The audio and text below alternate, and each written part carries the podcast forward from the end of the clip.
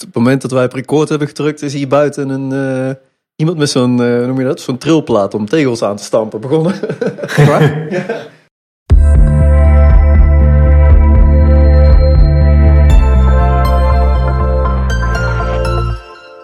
Ja. Zullen, zullen we er maar gewoon induiken? Ja, ik ben benieuwd. Cool. Wij kennen jou natuurlijk erg goed.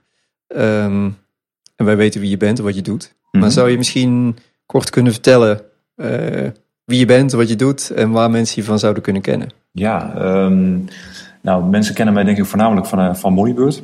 Uh, het bedrijf wat ik zeven jaar geleden begonnen ben met, uh, met Joost Diepemaat en Berend van Bruisvoort. Wij bouwen online software voor ondernemers om hun financiële administratie te regelen. En dat is een beetje begonnen vanuit onze studie. We hebben allemaal informatica gestudeerd. En, uh, en toen merkten wij dat het dat ja, facturatie-administratieproces bij ondernemers toch nog wel vaak een probleem was. Dus zodoende zijn we daar een, een bedrijf in begonnen. En ja, dat loopt, nu, dat loopt nu zeven jaar, dat loopt goed. En ik denk dat we op die manier best wel wat ondernemers, wel heel wat ondernemers op de radar gekomen zijn. Dus dat, dat ze mij daarvan zouden kunnen kennen. Ja, jullie zijn best wel inderdaad een grote naam in, binnen Nederland in ieder geval. Zeker binnen de ondernemers. is Moneybeurt, dan, dan gaat het meteen tot de bel, belletje rinkelen bieden. Ja, klopt. Dat merk ik heel veel, ja. Ondanks dat ze mij dan persoonlijk niet kennen, maar mensen zeggen altijd wel van, oh, voor Moneybeurt. Ja, dan, dan weet ik wel waar je het over hebt. Dus uh, het is wel leuk om te horen altijd. Ja, mooi is dat. Um, jullie zijn natuurlijk ook heel klein begonnen, hè? Met, uh, gewoon met z'n drieën. En uh, volgens mij zijn jullie ook bootstrapped begonnen. Dat klopt, denk ja. ik. Ja. Um, maar er is, is, zou, is er bij jullie een, een kantelpunt geweest? Waarop je kan zeggen van toen, toen, begon, toen heeft het een vlucht genomen. En, en waar heeft dat wellicht aan gelegen of wanneer gebeurde dat? Ja, echt een kantelpunt zou ik zo niet durven aan te wijzen. Um, wij, zijn altijd, um, uh, als, als informatica um, student, ga je op zoek naar de creatieve oplossing om iets te bouwen. Uh, dus we zijn op een gegeven moment begonnen met wat, uh, wat schetsen te maken, wat prototypes te bouwen. Dat was in het voorjaar van 2008. Nou, over de zomer heb je dan minder colleges. Dus toen zeiden we van nou laten we dit gewoon eens gaan bouwen. En eigenlijk hadden we van het begin aan zoiets van als we dit in ieder geval zelf kunnen gebruiken voor onze bedrijfjes. Want we hadden zelf alle drie uh, andere bedrijfjes dan Moneybird lopen. Uh, dan hebben we in ieder geval het voor onszelf opgelost. En uh, toen over de zomer, toen dat, toen dat prototype klaar was, toen zijn we dat wat gaan uitzetten bij, bij bekenden van onze andere ondernemers.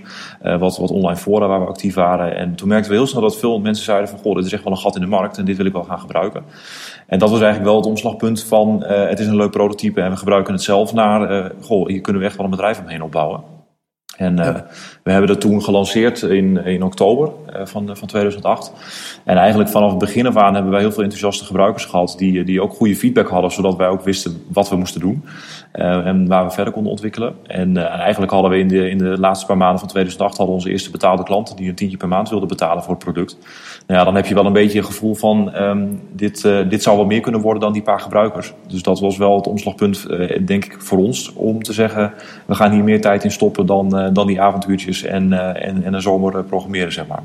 En toen zaten jullie nog op school toen dat allemaal gebeurde? Ja, we waren toen aan het studeren. Uh, Berend was wel afgestudeerd al. Joost en ik waren toen met onze master bezig nog. Uh, en uh, we hebben dus eigenlijk naast onze master altijd, altijd Moneybird ontwikkeld in die eerste jaren. En het voordeel is wel, als je met z'n drieën bent, dan kun je dat wat afwisselen. Hè? Dan als de ene het wat druk heeft met zijn studie, dan doet de ander wat meer. ik heb bijvoorbeeld op een gegeven moment ook nog een stage gelopen van een half jaar. Nou, toen zat ik gewoon fulltime bij een ander bedrijf. maar we konden dat eigenlijk altijd doen. En, en achteraf gezien was het ook wel een hele leuke periode. Want juist omdat je weinig tijd hebt ga je heel creatief kijken van oké, de klant wil dit. Hoe kan ik dat met, met de beperkte tijd die ik heb slim oplossen, in slim oplossen? En juist als je alle tijd hebt, dan ga je soms dingen ook heel erg over gecompliceerd maken, zeg maar. Ja, dus het is grappig, grappig dat je dat zegt. We hebben toevallig, uh, volgens mij de, niet de vorige aflevering, maar de aflevering daarvoor hebben we het daarover uitgebreid over gehad hoe we dat met timing ook ja. hebben. Dus dat, uh, dus dat was eigenlijk goed te doen naast, uh, naast de studie. En uh, ja, op een gegeven moment als je dan afgestudeerd bent, dan ga je natuurlijk een vergelijking maken van goh, als ICT'er kan je bij elk willekeurig ICT-bedrijf prima baan krijgen. en wat doen we nu met Moneybird? En toen zat het, de inkomsten van Moneybird zaten al op zo'n niveau, maar zeker ook de, de potentie was heel groot. Dat we eigenlijk alle drie zonder twijfel zeiden van dit gaat gewoon de komende jaren ons ding worden. En, uh, en dat, dat is nu, dus nu nog steeds zo. In ieder geval voor Joost en mij. Uh, compagnon Berend is recent uitgestapt omdat hij wel de aardigheid begon te verliezen aan, aan wat we aan het doen waren. Uh, maar, maar ja, Joost en ik zitten er nog steeds in en, en doen dit met heel veel plezier fulltime. Ja. Waren jullie de, de eerste? Of, of waren er al concurrenten op de markt? Of? Ja en nee. Um, in, in, in het buitenland werd dit wat gedaan. Zeker Amerika liep hierin wel voorop. Freshbooks bestond bijvoorbeeld al. Die richten zich natuurlijk heel erg op de Amerikaanse en Engelstalige markt. Waardoor je eigenlijk als Nederlands bedrijf geen facturen kon versturen via een pakket. Um, dus dat was een beetje een van de triggers dat we zoiets hadden van: goh, als het in Amerika kan, waarom zou het in Nederland niet kunnen? Uh, er waren in Nederland een paar pakketten um, en uh, die, die, die deden het alleen niet helemaal zoals wij het zagen, zeg maar. Die waren of heel complex, of ze deden het een beetje ernaast, zeg maar. Dat ze wel een webbedrijf hadden en ooit een keer zo'n pakketje gebouwd hadden. Maar je zag gewoon aan de software dat het niet onderhouden werd en, en dat het niet de, de, ja, de, de kwaliteit had die wij eigenlijk zochten. Uh, dus, uh, dus ja, die, ik, ik had eerder in mijn, in mijn, uh, mijn ik heb een hostingbedrijfje gehad voor Moneybird. toen had ik al gezocht naar zo'n pakket en heb ik heel veel pakketten ook getest, ook op de Nederlandse markt. En ik kwam gewoon niks tegen wat, wat voor mij goed genoeg was. dus dat is de reden dat wij het zelf zijn gaan begonnen. Dus ja, de concurrentie was er wel, maar we hadden wel zo'n ander idee dat wij wel zoiets hadden van nou, die concurrentie, daar, daar trekken we ons niet zoveel van aan. We gaan gewoon ons eigen plan trekken en, en, en ja, op die manier groot worden. En dat is altijd gelukt. Ja, ja leuk. Ja, ik, zie, ik zie heel veel eh, de, de overeenkomsten, dingen die we met Timey ook doen, is uh, iets, iets bouwen wat we zelf nodig hebben. En dan inderdaad in onze eigen tijd eerst het bouwen en dan valideren. Ik vind het wel heel leuk om te horen. Een, een andere vraag die wij uh, hebben opgeschreven is: um, sinds een, uh, volgens mij al een aantal jaar, denk ik, zijn jullie bezig met een nieuwe versie van Moneybird. Hè? Ja, klopt. Dat, dat, dat vind ik heel interessant hoe dat, uh, hoe dat tot stand is gekomen. En eigenlijk de eerste vraag die, die ik daarover heb is: uh, waarom hebben jullie besloten om aan een nieuwe versie te beginnen? Ja, dat vragen we ook nog wel eens af. Uh, dat, is, dat, is, altijd een interessant traject natuurlijk. Wat, wij, wat wij merkten is, hè, de eerste jaren waren we dus met z'n drieën aan het bouwen aan Moneybird. En je doet dat met de kennis die je op dat moment hebt. En de kennis was op dat moment dat wij een facturatiepakket wilden bouwen. Dus geen boekhoudpakket, wat we nu zijn. Um, de kennis op dat moment was dat wij dat voornamelijk voor web gingen doen. En dat uh, een iPad uh, en, tablets en uh, smartphones qua administratie nog niet echt in beeld waren. Um, en je doet dat met de kennis die je op dat moment hebt als software engineer om je product te bouwen. En je wilt het natuurlijk schaalbaar maken, maar op een gegeven moment kom je er toch achter dat je keuzes hebt gemaakt in het verleden die minder schaalbaar zijn dan je gedacht had. En uh, alles bij elkaar zorgde ervoor, toen wij ook de eerste personeelsleden aannamen, dat, wij, dat er kritisch gekeken werd naar wat er stond. En dat we tot de conclusie kwamen dat als we opnieuw zouden beginnen, dat we toch wel andere keuzes zouden maken. En uh, toen hebben we natuurlijk gekeken van, goh, die keuzes die kun je iteratief doorvoeren aan je, aan je, aan je bestaande software. Alleen, dat waren soms ook wel hele fundamentele dingen, dat we op een gegeven moment zoiets hadden van, nou, laten we maar eens, laten we maar eens even vanaf een, vanaf een schone lei beginnen. Om in ieder geval niet te veel vast te zitten in, in, de, in de legacy die al stond. En te durven uh, uh, na te denken over wat nou de meest ideale oplossing zou zijn. Uh, nou, zo is dat project ooit begonnen. En um, eigenlijk stap voor stap werden we steeds meer gesterkt door het idee van ja, juist deze grote stap maken is een hele goede stap. Uh, want je wilt, uh, je wilt graag blijven innoveren. En als je dat doet met een goede basis, um, en een basis die ook breder is dan een paar software engineers, maar juist ook door een heel team gedragen wordt, uh, die ook veel schaalbaarder is, die ook gelijk rekening houdt met een responsive, met, met de tabletondersteuning, et cetera, dan ben je voor de toekomst veel, veel beter, ben je veel meer gereed voor de toekomst dan dat we dat met onze oude software waren. En uh, dat betekent niet dat die oude software niet, uh, niet goed werkt. Want dit is op dit moment nog steeds onze cash cow. En het werkt nog steeds echt perfect. en menig klant die werkt, die werkt dagelijks in Moneybird. En, dus dat is, dat is heel gaaf om te zien eigenlijk dat we dat hebben weten op te bouwen in al die jaren. maar we zijn ondertussen ook wel zelf al een heel veel stappen verder, zeg maar. Omdat we gewoon weten waar we heel graag heen willen in de toekomst. En, en daarvoor hebben we echt die nieuwe software wel nodig. En is jullie ook iets eh, tegengevallen bij het bouwen van zo'n nieuwe versie? Is het anders gelopen dan jullie verwacht hadden? Mm, ja en nee. Kijk, je, je hoopt altijd, maar dat is een beetje het algemene probleem met softwareprojecten. Je hoopt altijd dat het sneller gaat dan je denkt. uh, maar de, de, praktijk is gewoon dat het niet zo snel gaat. Maar we hebben ook altijd gezegd van het moet wel goed. Want je kunt wel zeggen er is een deadline. Maar als je dat een beetje half doet, ga je ook klanten die echt leunen op hun, eh, op, met hun bedrijfsproces leunen op onze software. Uh, ja, dan ga je klanten gewoon niet tevreden houden. En daarom hebben we ook wel echt de tijd genomen om dit goed te doen. Daarom eh, heeft het wel langer geduurd dan we initieel ingeschat hadden. Maar tegelijkertijd um, heb ik me nooit zorgen gemaakt over uh, of, of dat een probleem was. Uh, uh, wij, zagen altijd intern dat we met hele gave dingen bezig waren. En we hebben intern ook al ons, altijd onze deliverables gehad. We draaien bijvoorbeeld met onze personal holdings draaien we al jaren in Moneybird 2.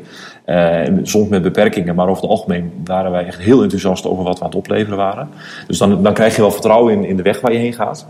En het, het, project heeft ook nooit echt stilgelegen. Uh, we hebben altijd geweten, precies geweten waar we heen wilden en wat we nog moesten doen. En dan word je ook wel gesterkt door van ja, het kost misschien meer tijd. Maar het is niet zo dat, wij, dat we in het wilde weg aan het programmeren zijn, zeg maar.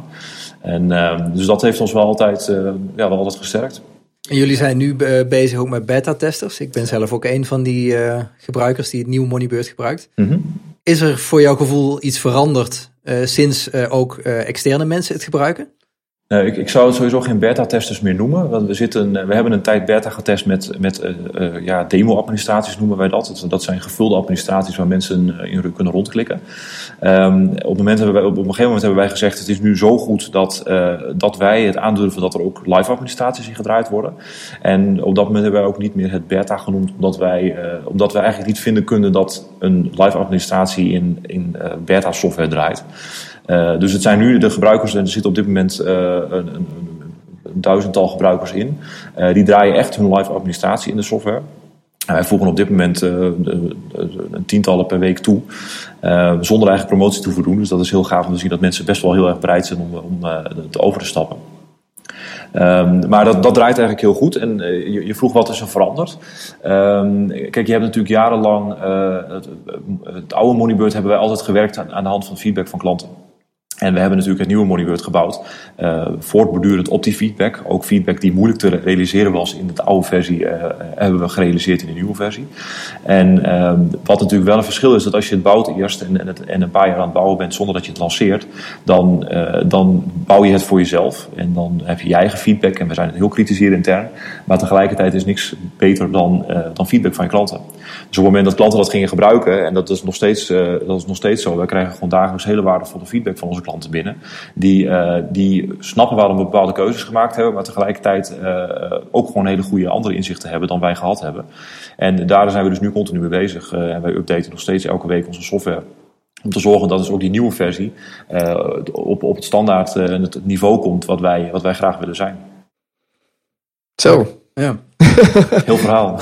ja, nee, ik, ja, ik vind het super mooi. Je, je zei net ook, um, de, jullie hebben een bepaalde, bepaalde, bepaalde, doel, een bepaalde visie waar je naartoe je, We weten in alle tijden hoe je daar wil gaan komen. Mm -hmm. uh, werken jullie ook volgens bepaalde processen? Zijn jullie, zijn jullie aan het scrummen of hebben jullie uh, een, een, een backlog? Of uh, hoe, hoe werken jullie intern het liefst? Um, ja, dat is eigenlijk een beetje zoals de software continu aan het, aan het ontwikkelen bij ons. Wij hebben heel veel geprobeerd. Uh, wij werken uh, via Scrum, maar deels via Scrum. We hebben een backlog, we hebben een sprint. Um, uh, tegelijkertijd zeggen we ook wel van we pakken de praktische dingen uit de technieken. En, en ja, kijken heel goed naar wat het beste bij ons bedrijf past. Um, zo doen wij bijvoorbeeld met een sprint doen wij relatief weinig. Dat komt ook deels omdat wij op dit moment weinig kunnen plannen in een sprint, zeg maar. Er wordt, er wordt veel gewoon uh, opgepakt aan de hand van wat er aan feedback binnenkomt.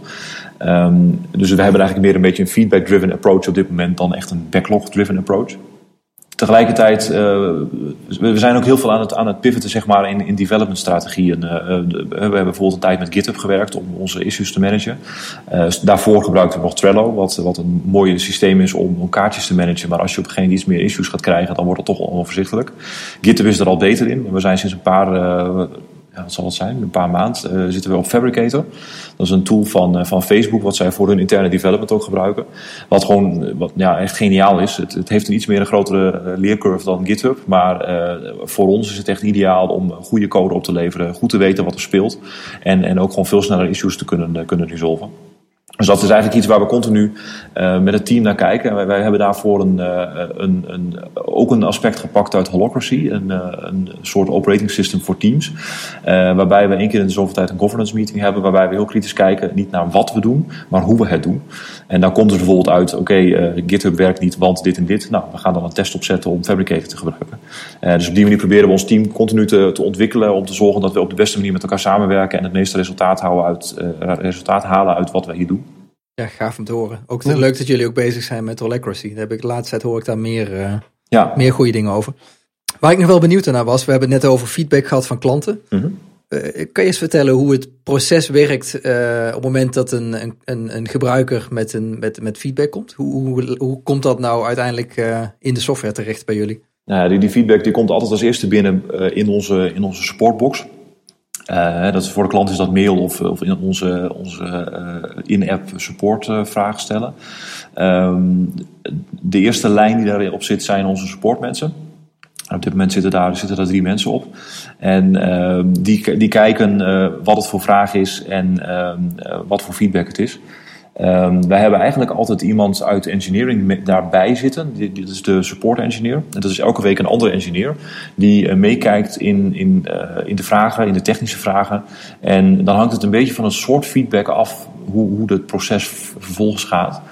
Uh, als het bijvoorbeeld een, een, een, duidelijke bug is, dan zal die support engineer een initiële triage doen om te kijken van wat is de prioriteit. En kan ik het zelf snel fixen of zet ik het weg in het engineering team. Um, en wegzetten betekent dan dat er een fabricator ticket aangemaakt wordt. Waarin, uh, waarin de, de, de, de goede prioriteit, goede project gehangen wordt. En, en dat komt dan in de backlog te staan of in de sprint te staan, afhankelijk van de prioriteit. En dan kunnen andere engineers het oppakken. Um, als het meer algemene feedback is, um, als mensen een knopje anders willen hebben of vinden dat, uh, uh, dat de zoekresultaten anders gesorteerd moeten worden, dan is het natuurlijk niet altijd iets waar we, waar we gelijk actionable op moeten zijn of op kunnen zijn. En dan vinden we het veel belangrijker dat we een, beetje een algemene uh, feedbackverzameling doen, zodat we ook kunnen kijken wat er, of, er een, of een overkoepelend probleem is. Want heel vaak één vraagje over een button die mist of een, of een sortering die ontbreekt, is, uh, is niet zo heel interessant. Maar als je gaat kijken naar het overkoepelend probleem, dan ga je een veel slimmere verbetering aan software kunnen maken. Dan dat je maar heel ad hoc op elke, elke wijziging gaat reageren. Uh, dus dat wordt ook geregistreerd in Fabricator. We hebben eigenlijk per onderwerp hebben wij een, een kaartje waar feedback in staat. En er wordt dan een link naar de, de vraag van de klant wordt, wordt aan het kaartje toegevoegd. Dus op die manier verzamelen we kaartjes waar een initiële uitleg staat van oké, de klant wil dit en dit. En vervolgens wordt elke keer als een klant dat een andere klant dat beaamt eigenlijk, voegen we daar meer informatie aan toe. Zodat we uiteindelijk een breed beeld hebben van wat de vraag van klanten is. En ja, als, dat, als er een bepaalde vraag vaak langskomt, dan, dan hebben mensen ook wel een beetje een gut feeling van goh, het wordt tijd om hier wat aan te doen. En dan gaan we aan de hand van die feedback gaan we, gaan we het project opzetten om te zorgen dat we die verbetering doorvoeren. Dat klinkt wel als een doordacht proces inderdaad. Ja, tegelijkertijd is het ook niet een proces wat bij ons heel erg uh, uh, heel gedocumenteerd staat. Het is een vrij natuurlijk proces.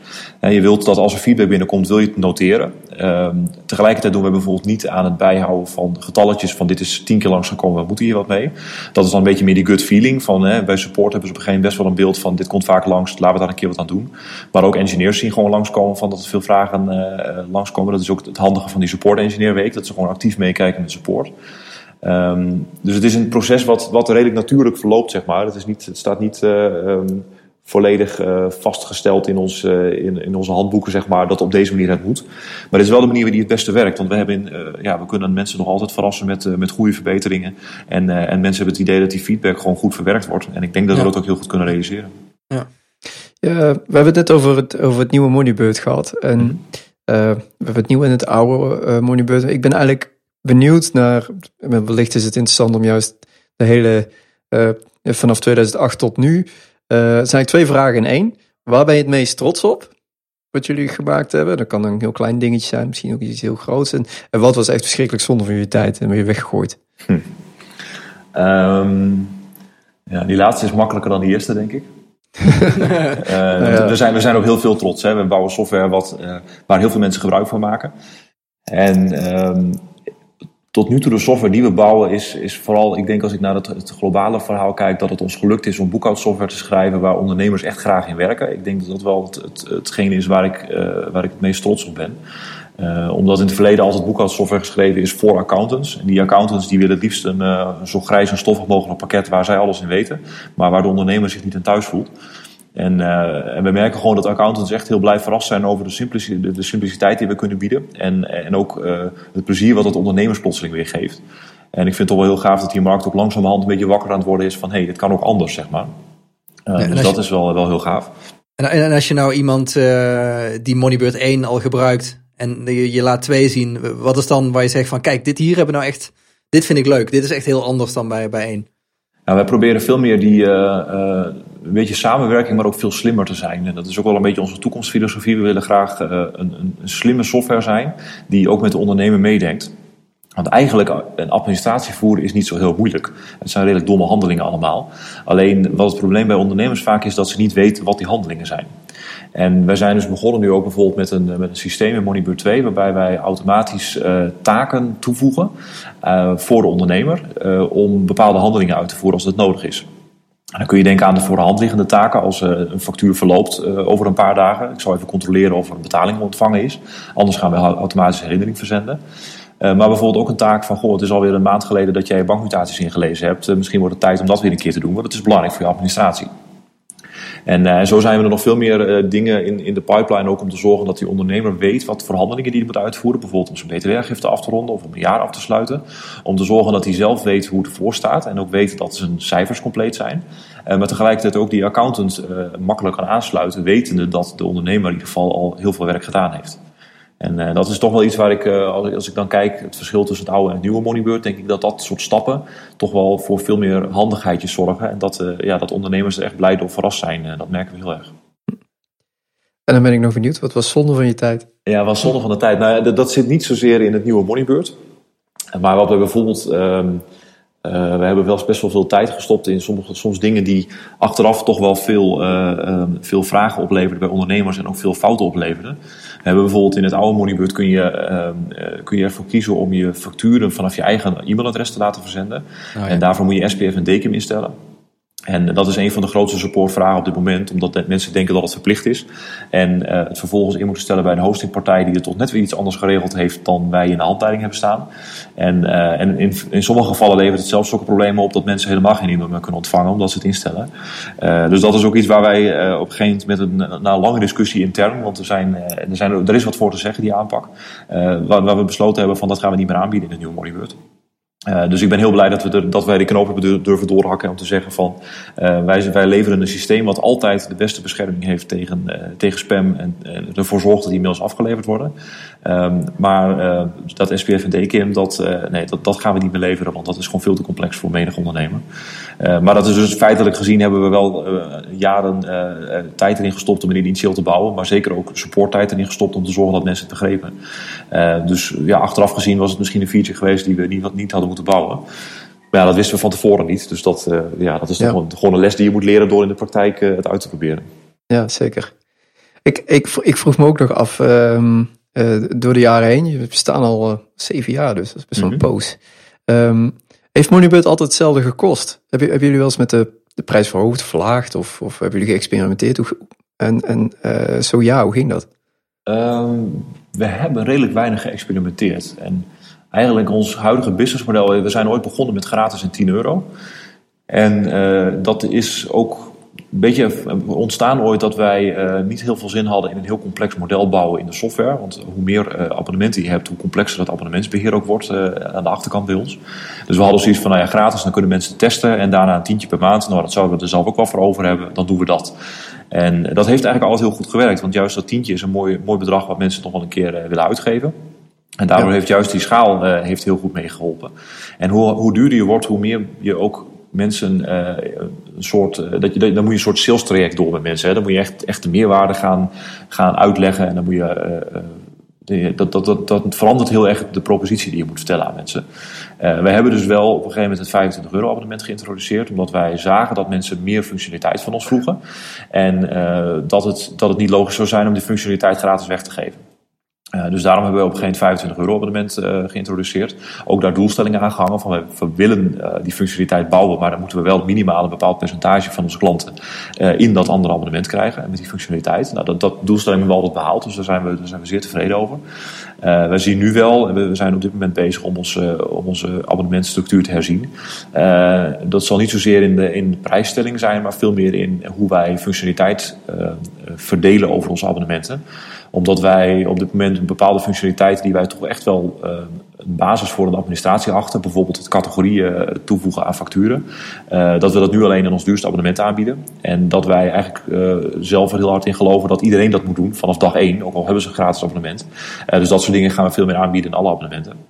En we gaan dus iets meer differentiëren op andere factoren in de administratie. Dus daar zijn we wel mee bezig. We hebben er weinig mee geëxperimenteerd. Um, vooral ook omdat dit heel goed bevalt. Dus we hebben weinig reden om ontevreden te zijn. Uh, dan zullen er altijd mensen zijn die zeggen, uh, dan weet je dus ook niet of je misschien veel meer omzet kunt binnenhalen. Uh, maar als er geen reden is om, om meer omzet nodig te hebben, omdat je verlies leidt bijvoorbeeld, dan vraag ik me af of dat nou de beste investering van je tijd is. Of dat je veel beter ervoor kunt zorgen dat je het beste product hebt waar, waar je steeds meer klanten aan verbindt. en dat lukt ons nog steeds heel goed. Dus, dus wat dat betreft weinig geëxperimenteerd. en we zijn dus nu met een experiment bezig met, met een nieuwe abonnementstructuur. En dat, ja, tot nu toe zijn de eerste reacties daarop goed. En zodra we dat breed gaan uitrollen, dan, dan zullen we echt de, de, de, uiteindelijke, de uiteindelijke bevindingen gaan ervaren. Spannend. Ben je Zeker, ja. ja. Bij Moneybird zien jullie heel vaak waarschijnlijk mensen die zich net, die, die van vers van de Kamer van Koophandel komen en die in één keer denken van, oh ja, dan moet ik ook facturen gaan maken. En hoe ga ik dat doen? Die, die googelen en die komen bij jullie terecht. Mm -hmm. Zijn er adviezen die, jij, die, die, jullie geven aan, aan, aan startende ondernemers? Of zou je een advies willen geven? Um, ja, de makkelijkste is natuurlijk gebruik Moneybird. Maar er is een reden waarom ik dat zeg. Uh, wat, wat ik zelf altijd gemerkt heb bij ondernemen is dat uh, het inzicht hebben in je financiële situatie heel belangrijk is. En, uh, er zijn startende ondernemers die altijd zeggen van ja, die, die, die facturen en die boekhouding, die doe ik alleen maar voor de Belastingdienst. Want die willen dat ik btw-aangifte doe. Uh, tegelijkertijd is, is uh, bijvoorbeeld het hebben van een slecht debiteurenproces, uh, het vergeten van herinneringen of misschien zelfs het vergeten van facturen uitsturen, een van de grootste redenen waarom bedrijven failliet gaan. Omdat ze gewoon geen goede, goede cashflow hebben, ze krijgen geen geld binnen, dus kunnen ze hun leveranciers niet meer betalen en, en gaat de boel op de fles. En dat is eigenlijk heel jammer, want juist door het bijhouden van je administratie, wat helemaal niet veel tijd hoeft te kosten eigenlijk, um, kun je dat inzicht wel hebben. En weet je dus hoe je ervoor staat, weet je of je op dat ene project winst gedraaid hebt of op dat je over het algemeen winst draait. Uh, en dan kun je ook veel beter gaan sturen van, hè, zijn er bepaalde kosten die de pan uitreizen, uh, zijn er juist bepaalde, uh, bepaalde activiteiten die ik doe die heel winstgevend zijn, waar ik, waar ik eigenlijk veel meer zou moeten doen. En dat soort, dat soort businesskeuzes, um, die, die moet je dus maken aan de, op, op, een, op een basis van gedegen feitelijke informatie. En die informatie komt uit je administratie. En als je dus begint met in Word en Excel je factuurtjes maken, dan, dan voldoe je perfect aan wat de Belastingdienst van je verwacht. Mits je natuurlijk je factuurnummer goed hebt en goede BTW uitrekent, et cetera. Dat is nog ook wel eens een moeilijk probleem. Uh, maar um, als die factuur klopt, dan, dan ben je nog niet zo ver dat je ook inzicht hebt. Dan heb je nog geen resultaatrekening en dan uh, heb je je btw-aangifte nog niet snel op orde.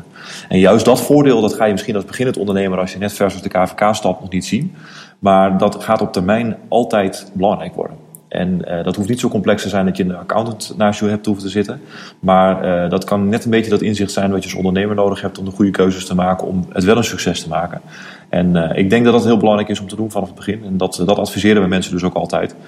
begin gewoon met Moneybird, omdat het misschien nu nog wat overkill lijkt, maar op termijn echt veel meerwaarde gaat leveren in inzicht. Ja, ja precies. Mijn vriendin is, is heel kort geleden begonnen met haar eigen bedrijf en die is ook al meteen vanaf dag één netjes aan het doen. Inderdaad ook die categorieën wat je zei. in, mhm. in, de nieuwe Moneybird ook kunt gebruiken.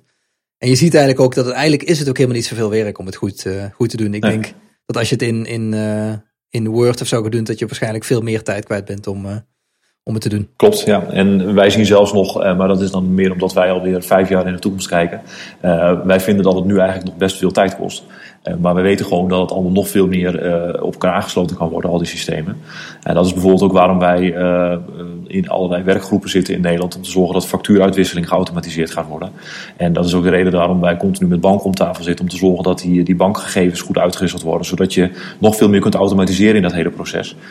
dus ik denk dat we al heel ver zijn, dat het, dat het, voor, dat het helemaal niet veel tijd hoeft te kosten. Maar ehm, als je over vijf jaar administratie doet, dan zou je nagenoeg niks meer handmatig hoeven te doen.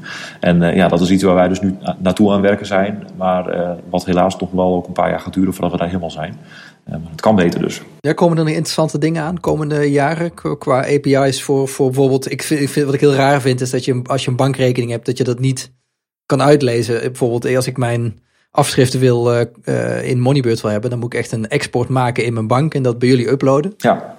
Dat, dat, ja, dat, voelt, dat, voelt, als niet handig. Nee, dat, dat is ook niet handig. En dat is ook een, een, een interessante situatie op dit moment in Nederland. Eh, de, de banken zijn eh, door de Europese Unie verplicht om vanaf, volgens mij eind volgend jaar, om uh, te voldoen aan PSD2.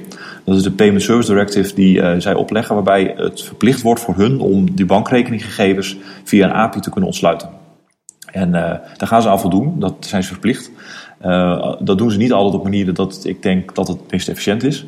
Um, het punt is alleen nu dat die banken een soort monopoliepositie hebben. Dat ze zeggen van ja, we hebben de klanten toch wel. En die kunnen de informatie downloaden, dus dat is nog niet zo'n probleem. Uh, maar ja, die koppelingen, ja, dat kost ons allemaal veel tijd. Het kost een bank gemiddeld een ton om zo'n koppeling te leggen. En uh, in tegenstelling tot wij hebben een open API. En ik denk dat er op dit moment vast wel iemand bezig is om een koppeling met ons te bouwen. Ik zou het niet weten, want het kost ons geen cent. Dat is de nieuwe economie die zegt uh, koppelingen zijn standaard. Uh, de banken daarentegen hebben dat, hebben dat nooit zo opgezet. En die hebben veel te maken met legacy. en daardoor kost het dus bij eigenlijk alle banken op dit moment. gaat het nog meerdere jaren duren voordat, voordat die koppelingen er komen. En, en hebben wij dus als partij een probleem in zoverre dat wij, uh, dat wij dus niet aan de vraag van de klant kunnen voldoen om die, uh, om die koppeling aan te bieden. Uh, maar daarbij zijn we volledig afhankelijk van die banken. En, en die weten ook dat ze dit moeten aanbieden, want ze weten dat klanten tevredener zijn als ze een koppeling hebben. alleen de banken die zitten gewoon vast in hun eigen development, development stack en, hun, en het, al het werk wat ze moeten doen. En ja, dat gaat nog een paar jaar duren. Ja, je zou toch zeggen dat als je een bijvoorbeeld KNAP, die nieuwe bank, dat zou toch juist een unique, unique selling point kunnen zijn van zo'n bank? Ja, dat klopt. De KNAP is daarentegen anders. En, en uh, uh, het is nog niet heel bekend, maar uh, waarschijnlijk nog dit jaar hebben wij de eerste automatische koppeling met KNAP als boekhoudpakket. Oh, wow. Oh, okay. Ik noem die als voorbeeld omdat dat een bank is waarvan ze zeggen dat die het anders doen. Maar ja, te, ik zie daar niet zo heel veel van. Nee, precies. Nou, de, de KNAP is, is in zoverre verfrissend naar de buitenwereld toe. Tegelijkertijd zijn ze nog wel, leunen ze nog wel veel op de traditionele banksoftware. Um, en waar, waar ik vooral naar uitkijk in de bankaire wereld is dat er, dat er banken op gaan staan die uh, juist durven uh, het, het opnieuw te bouwen, zeg maar, als softwarepartij. Dus meer een softwarepartij met een banklicentie dan een bank met een beetje softwareafdeling, zeg maar.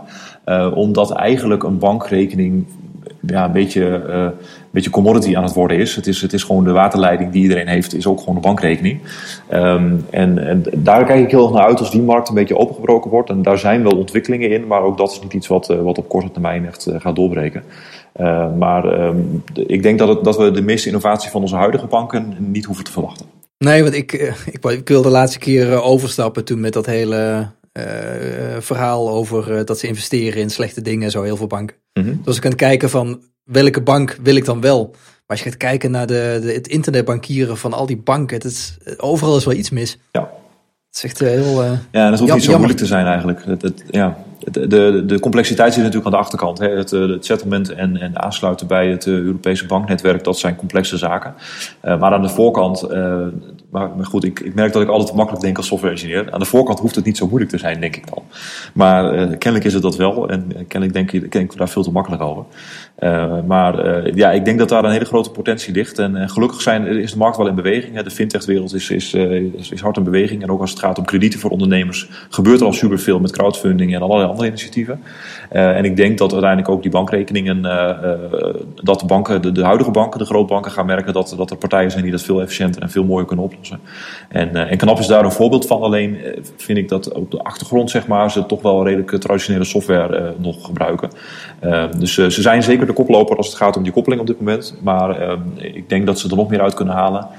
of dat een andere bank in de toekomst er nog meer uit kan halen als ze toch nog veel meer op die software focussen. Ja. Ik vind het wel interessant dat je zegt, aan de, aan de voorkant hoeft het inderdaad niet moeilijk te zijn. Daar ben ik het helemaal met je eens. Maar als ik dan kijk naar wat Rabobank uh, gelanceerd heeft uh, voor de ja. mobiele telefoon, uh, volgens mij is het een paar weken geleden. Klopt. En wat daar de reacties op zijn, dan denk ik, volgens mij maakt men het zichzelf ook heel moeilijk. Want de vorige app, die was heel simpel. En die, die, deed, die deed wat hij moest doen, denk mm -hmm. ik. En wat men nu gelanceerd heeft, is een heleboel. Om het maar even netjes uit te drukken. Ja, ik, ik heb de app zelf nog niet gebruikt. Ik ben, uh, we zijn wel klant bij de Rabo, maar ik gebruik de mobiele apps nooit eigenlijk. Um, maar het, het, uh, ja, het is een aparte move die ze gemaakt hebben. Sowieso wat je ziet in die markt is dat als één, één schaap over de dam is, dan volgt de rest ook. Hè. Er was op een gegeven moment iemand die zo'n mobiele app had en toen volgde het binnen een paar maanden iedereen. Dus het is best ja. wel een, een reactieve markt wat dat betreft. En daarom kijk ik ook wel uit naar de eerste banken die een beetje durven aan te schoppen tegen het, uh, uh, tegen het, het hele bankaire wereldje. En, uh, bijvoorbeeld een bank die op dit moment aan het lanceren is.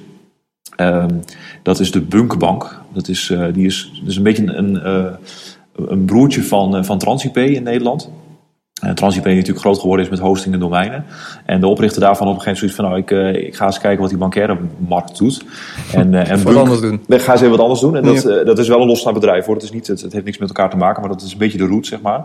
En, en zij bieden dus op dit moment een, een mobile-only bankrekening aan. Die, waar je dus, ja, het is voornamelijk heel gericht nu op particulieren. Dat is in de bar snel geld overboeken en zo.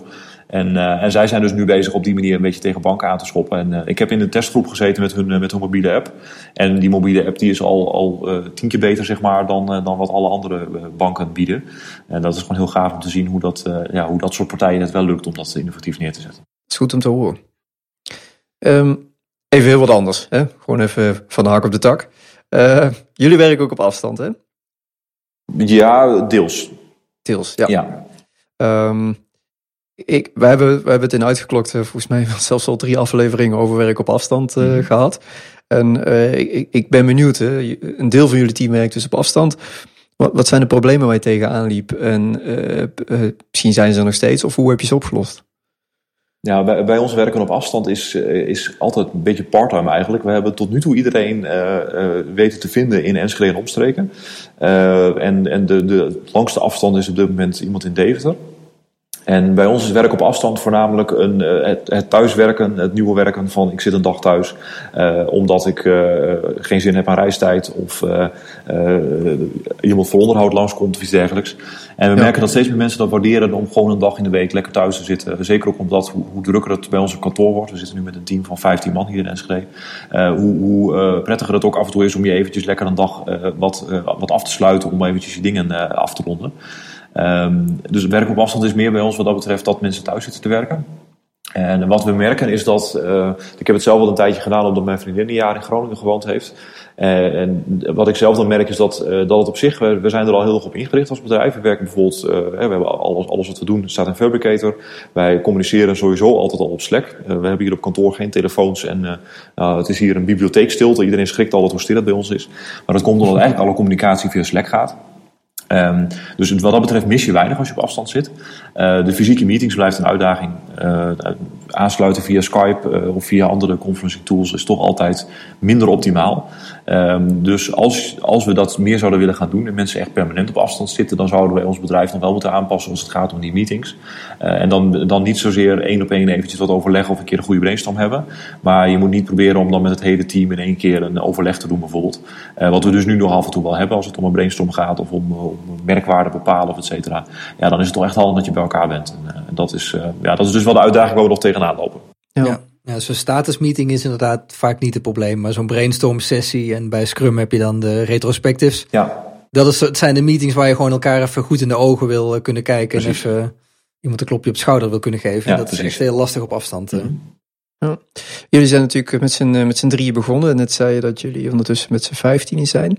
Um, hebben jullie iets van uh, groeistuipen doorgemaakt? Of is dat heel, heel natuurlijk gegaan? En uh, wat zijn wellicht uh, ja, problemen? Je, je begint zo'n onderneming. Je verwacht misschien niet dat je binnen zo'n korte tijd met zo'n team bent.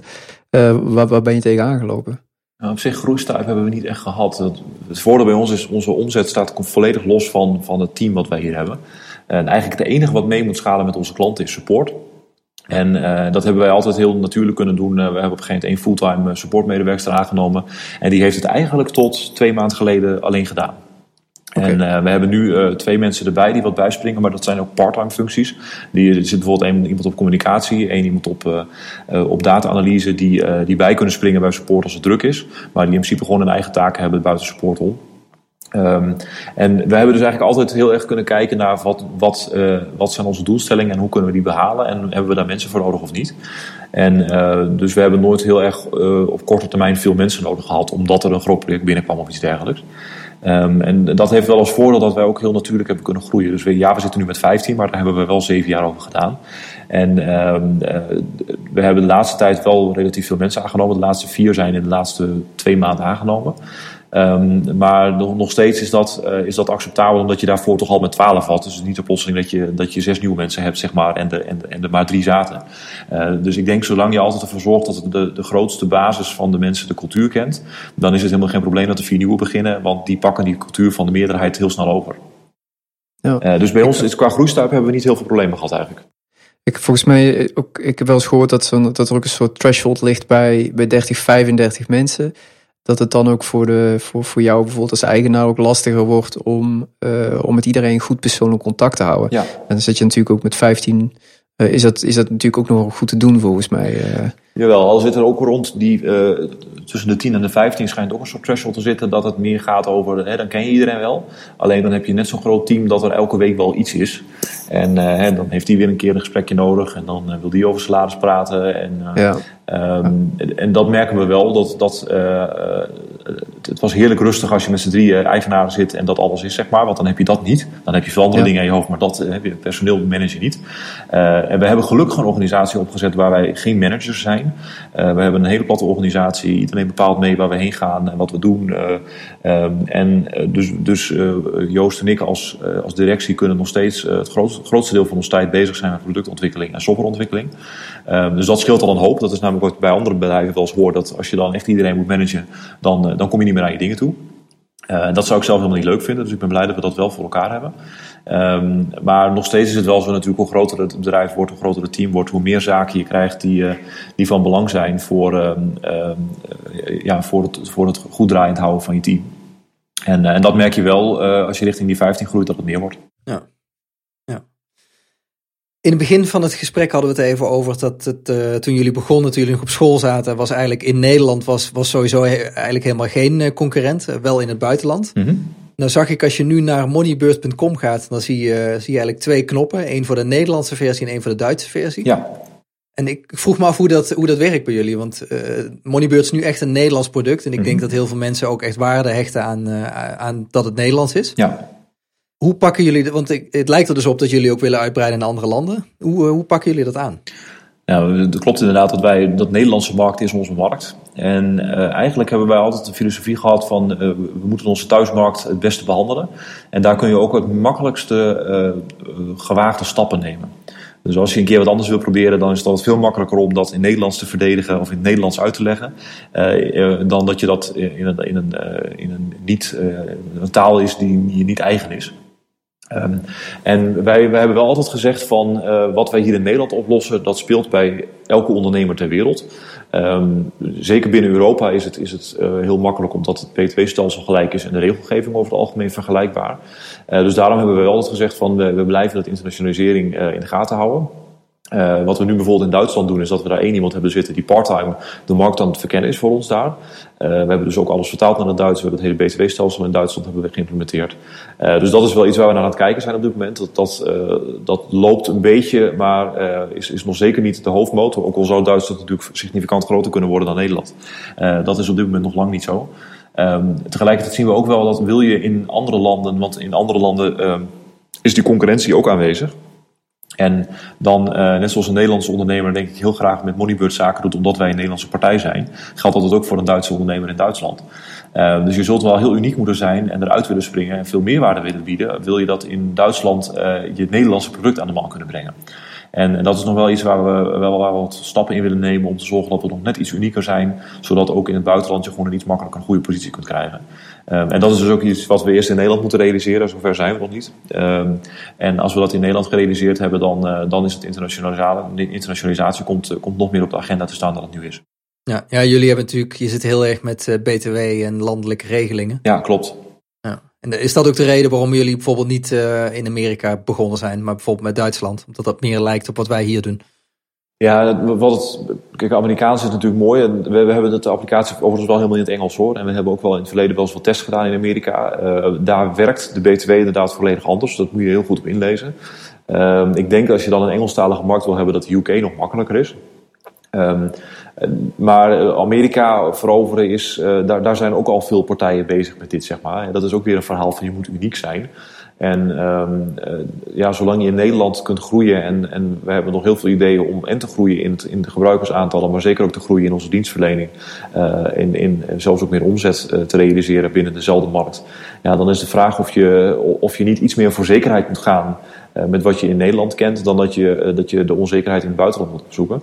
Ehm, maar dat heeft vooral ook een beetje met tijdsaspect te maken hoor. Ik denk dat je als ondernemer je maar op een paar dingen echt goed kunt focussen. En die focus ligt bij ons op dit moment op, op de lancering eh, en het uitfaseren van het oude Moneybird en, en de lancering van het nieuwe Moneybird.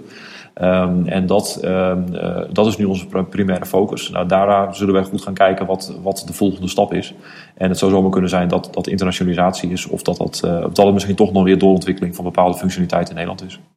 Wat, wat, wat zal het eigenlijk een, last zijn die van jullie schouders afvalt, denk ik, als die lancering gebeurd is. En uh, iedereen. Uh, bij jullie is denk ik ook de bedoeling dat iedereen overstapt van de oude naar de nieuwe, toch? Ja, dat is uiteindelijk wel de bedoeling. Maar dat is wel een realistische. Uh, realistische moet realistisch blijven. wij, wij sowieso is ons doel altijd geweest van het heeft voor ons geen nut om twee producten te onderhouden. Um, je ziet bijvoorbeeld Basecamp dat anders doen. Basecamp 1, 2 en 3 die blijven naast elkaar draaien. En dat doen ze mede ook omdat de functionaliteit in de nieuwere versies best wel anders is dan in de oudere versies.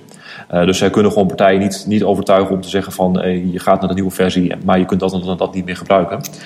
Moneybird daarentegen is, is feature compleet. zijn we op dit moment nog niet helemaal, want we hebben onze mobiele apps nog in ontwikkeling. Maar als die mobiele apps klaar zijn, dan zijn we feature compleet. Dus dan zou er qua functionaliteit geen reden moeten zijn om mensen niet over te laten stappen. Uh, en daar komt bij dat er natuurlijk steeds meer gave dingen in Moneybird 2 bij komen, of in het nieuwe Moneybird bij komen, uh, die, die we in het oude Moneybird niet gaan ontwikkelen. Dus we verwachten dat, we hebben nu gewoon veel interesse en mensen willen heel graag overstappen. Dus we hebben tot nu toe geen enkele, mogelijkheid, geen enkele noodzaak om, om mensen iets meer te, te pushen, zeg maar. Er zal een moment komen dat het belangrijker wordt, maar tegelijkertijd denk ik ook wel dat die mensen op een gegeven moment ook wel inzien dat, dat uh, de doorontwikkeling niet zit in ons oude Moneybird, maar juist in die nieuwe, nieuwe Moneybird. Ja. dus dat, uiteindelijk gaat het oude Moneybird weg. En ja, als, we die, als die offline gaat, dan zal dat zeker wel een mooi moment zijn. Dat scheelt gewoon weer een stukje legacy in je organisatie voor het bijhouden en het ondersteunen daarvan. Maar op zich zijn we wel nog zover dat, uh, uh, dat, dat moment heb ik zelf al gehad. Je wilt, je wilt op een gegeven moment heel graag een, een release doen van, van het nieuwe Moneybird. En je wilt zien dat het stabiel draait en dat mensen daar tevreden mee zijn. En dat hebben we de afgelopen maanden heel goed weten te realiseren. dus de grote lancering zit voor ons meer in dat een nieuwe website, nieuwe huisstijl en zo live gaat. dan dat we, dat we het product aan zich hoeven te lanceren. En dus dat, ja, dat is wel iets waar we heel erg naar uitkijken nu.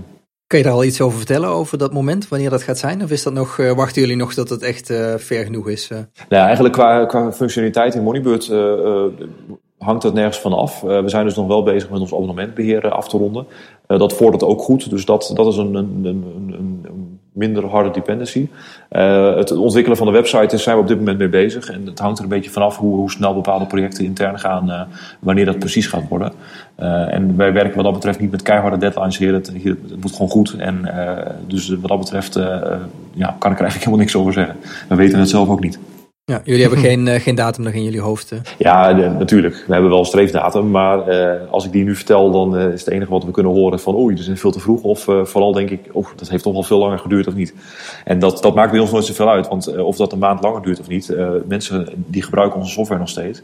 En de aanmeldingen lopen gewoon door. En, en dus, dus wat dat betreft loopt, loopt het bedrijf gewoon volledig. En een website is daar een middel in, maar dat is geen cruciaal iets bij ons. Ja, ja mooi. Ik, ik had nog een kleine vraag over de, de internationalisering. Um, ik, ik, ik, ik, ja, wat we in het begin al zeiden, uh, heel veel ondernemers die kennen Moneybird. En ik heb wel het gevoel dat, uh, dat, dat, dat, dat, jullie misschien wel de, de Nederlandse markt te, ja, al, al helemaal hebben, zeg maar. Maar jij zegt eigenlijk dat er nog heel veel potentie zit voor jullie in de Nederlandse markt. Ja, eh, ik, ik, denk zeker dat een groot deel van ondernemers uh, ons hebben leren kennen al. En dat komt zeker omdat we gewoon ook zelf al heel veel ondernemers hebben weten te bereiken die, die aan onze database staan. Uh, er zijn uit mijn hoofd volgens mij iets van 700.000, 800.000 uh, kleine MKB-ondernemers in Nederland. En wij hebben er meer dan 100.000 weten te bereiken over de afgelopen jaren. Dus dat is, daar hebben we al een significant aandeel. Um, ja. De uitdaging zit voornamelijk nu nog in de. Um, de heel veel ondernemers gebruiken Moneybird puur voor hun facturatie.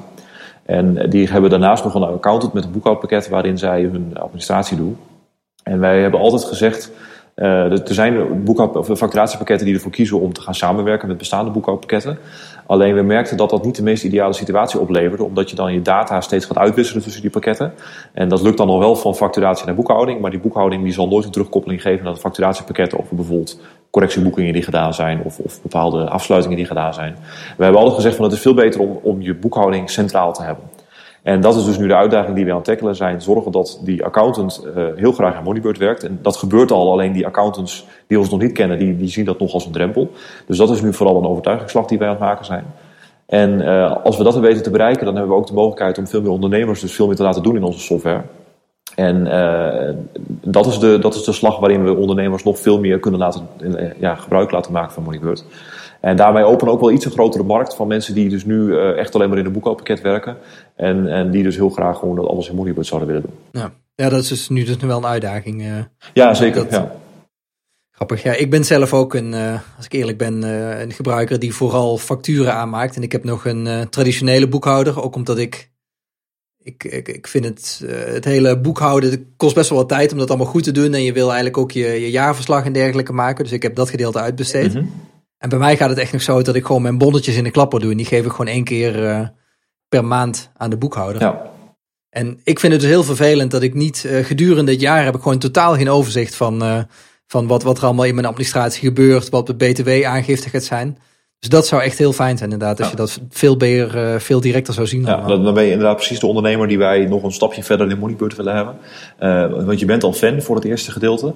Dus de rest uh, moeten we je een klein stukje in overtuigen. En dat, dat begint ook heel vaak al dat die accountant zegt van...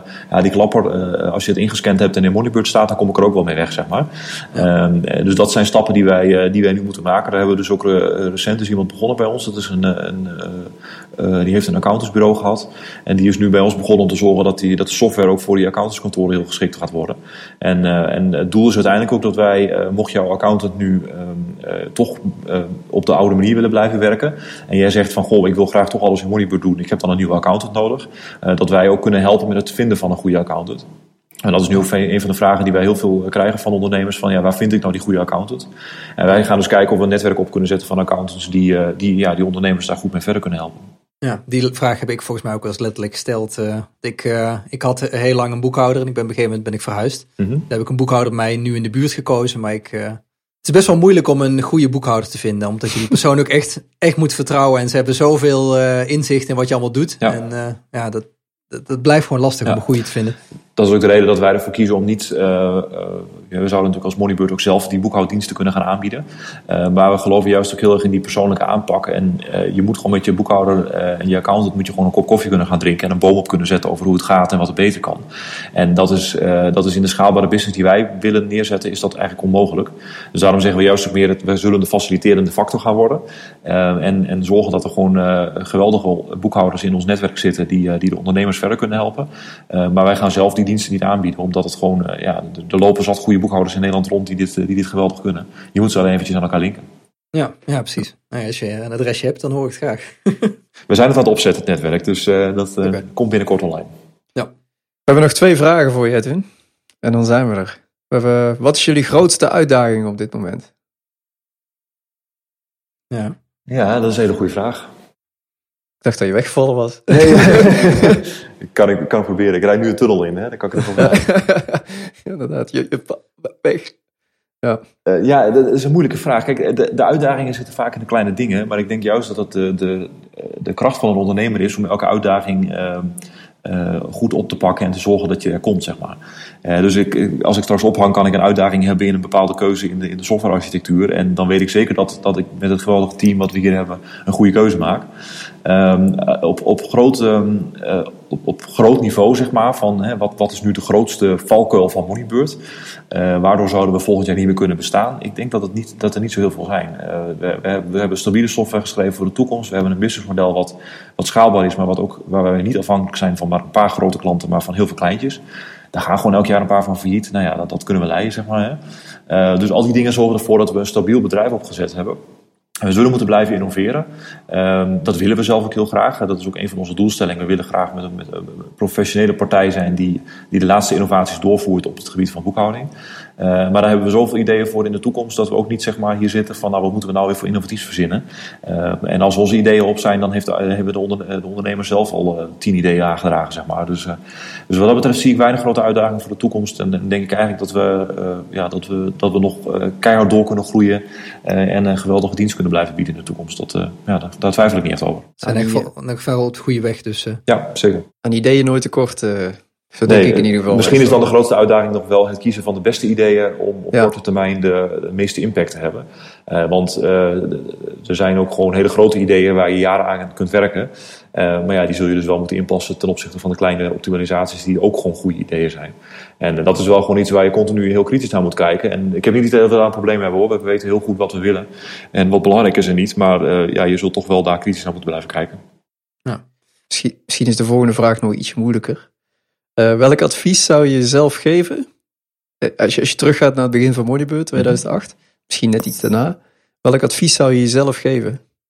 Ehm, ja, dan komt toch ook weer mijn antwoord terug van... ik denk dat je als ondernemer... eh, ik, ik vind dat je niet heel veel spijt moet hebben van dingen. Er, er komen altijd uitdagingen op je pad... en er zijn altijd dingen die anders kunnen. Maar op dat moment maak je de beste keuze. Wat ik net al zei, de, onze SPMD, de SPFD-KIM-implementatie... ja, achteraf gezien zou ik mezelf nu het advies geven... begin er nooit aan. Maar Ja. ik, vind niet, ik vind niet dat dat telt. Want juist eh, het ervaren hoe dat werkt... en ehm, dat het dus niet werkt in dit geval... en dat het dus bijvoorbeeld veel support oplevert... dat, dat verrijkt je als ondernemer weer... en dat verrijkt ons als team weer om te weten van... goh, we moeten het wel eventjes bij een volgende keer als we zoiets tegenkomen... wat technisch complex kan zijn, moeten we even kritisch kijken. Eh, dus ik zou mezelf eigenlijk ehm, het advies eh, gegeven hebben... doe het maar zoals je het gedaan hebt... Eh, want op die manier leer je het meeste. En, en ja, daarom staan we nu waar we nu staan. Juist door die ervaring allemaal. Ja, Blijf, blijf proberen eigenlijk. Ja, zeker. Ja. En durf ook niet. eh, en en eh, wij zijn bijvoorbeeld ook best wel kritisch als het gaat om, om legacy. Eh, wij durven ook bepaalde dingen een knoop door te hakken en zeggen van oké, dat gaan we anders doen. Dat doen we dus niet meer. En er zijn veel bedrijven die eh, altijd hun, hun fout uit het verleden een beetje laten aanbodderen, zeg maar. Eh, en eh, dat zou heel jammer zijn. Hè? We zouden dus nu nog steeds SPF-deken kunnen aanbieden, omdat we dat ooit aangeboden hebben aan klanten. Maar we zeggen dus nu juist van dat doen we niet meer, want het levert ons, geen, eh, het levert ons te veel werk op. Het levert niet de optimale situatie op. We kiezen ervoor om dat weg. Te doen. Ja, dat levert wel vragen bij klanten op en er zijn wat klanten ontevreden. Maar ja, tegelijkertijd moet je wel, denk ik, eh, durven eh, om die knopen door te hakken en daarin een, eh, je rug recht te houden en zeggen van zo doen wij het en hier geloven we in. Nou, goed advies toch? Dankjewel. Ehm wil je nog iets kwijt? Heb je, heb je tips, plugs? Zijn er misschien vacatures bij Honeybird? Waar je zegt van, daar zoeken we iemand voor? Of, of, eh, Nou, nee, we hebben recent veel mensen aangenomen en we zitten nu eigenlijk wel op een mooi aantal. Ehm, eh, we zoeken natuurlijk altijd gave mensen, dus eh, open sollicitaties zijn meer dan welkom. Eh, zeker software engineers eh, en, en, en technische mensen. Eh, maar wij hebben eigenlijk, eh, wij hebben ook niet als doel om volgend jaar met 30 te zitten, zeg maar. We Juist ook met een kleine groep mensen veel impact eh, maken, dat is dat we, wat, wat we graag willen doen. Eh, dus eh, nee, qua vacature staat er, hebben we niet heel veel concrete vragen, zeg maar. Eh, en verder, ja, plugs. ehm, nee, niet zoveel eh, te melden eigenlijk. Dus eh, vond het een leuk gesprek. ja, wij ook. Ja. Super leerzaam. Dankjewel. Graag gedaan.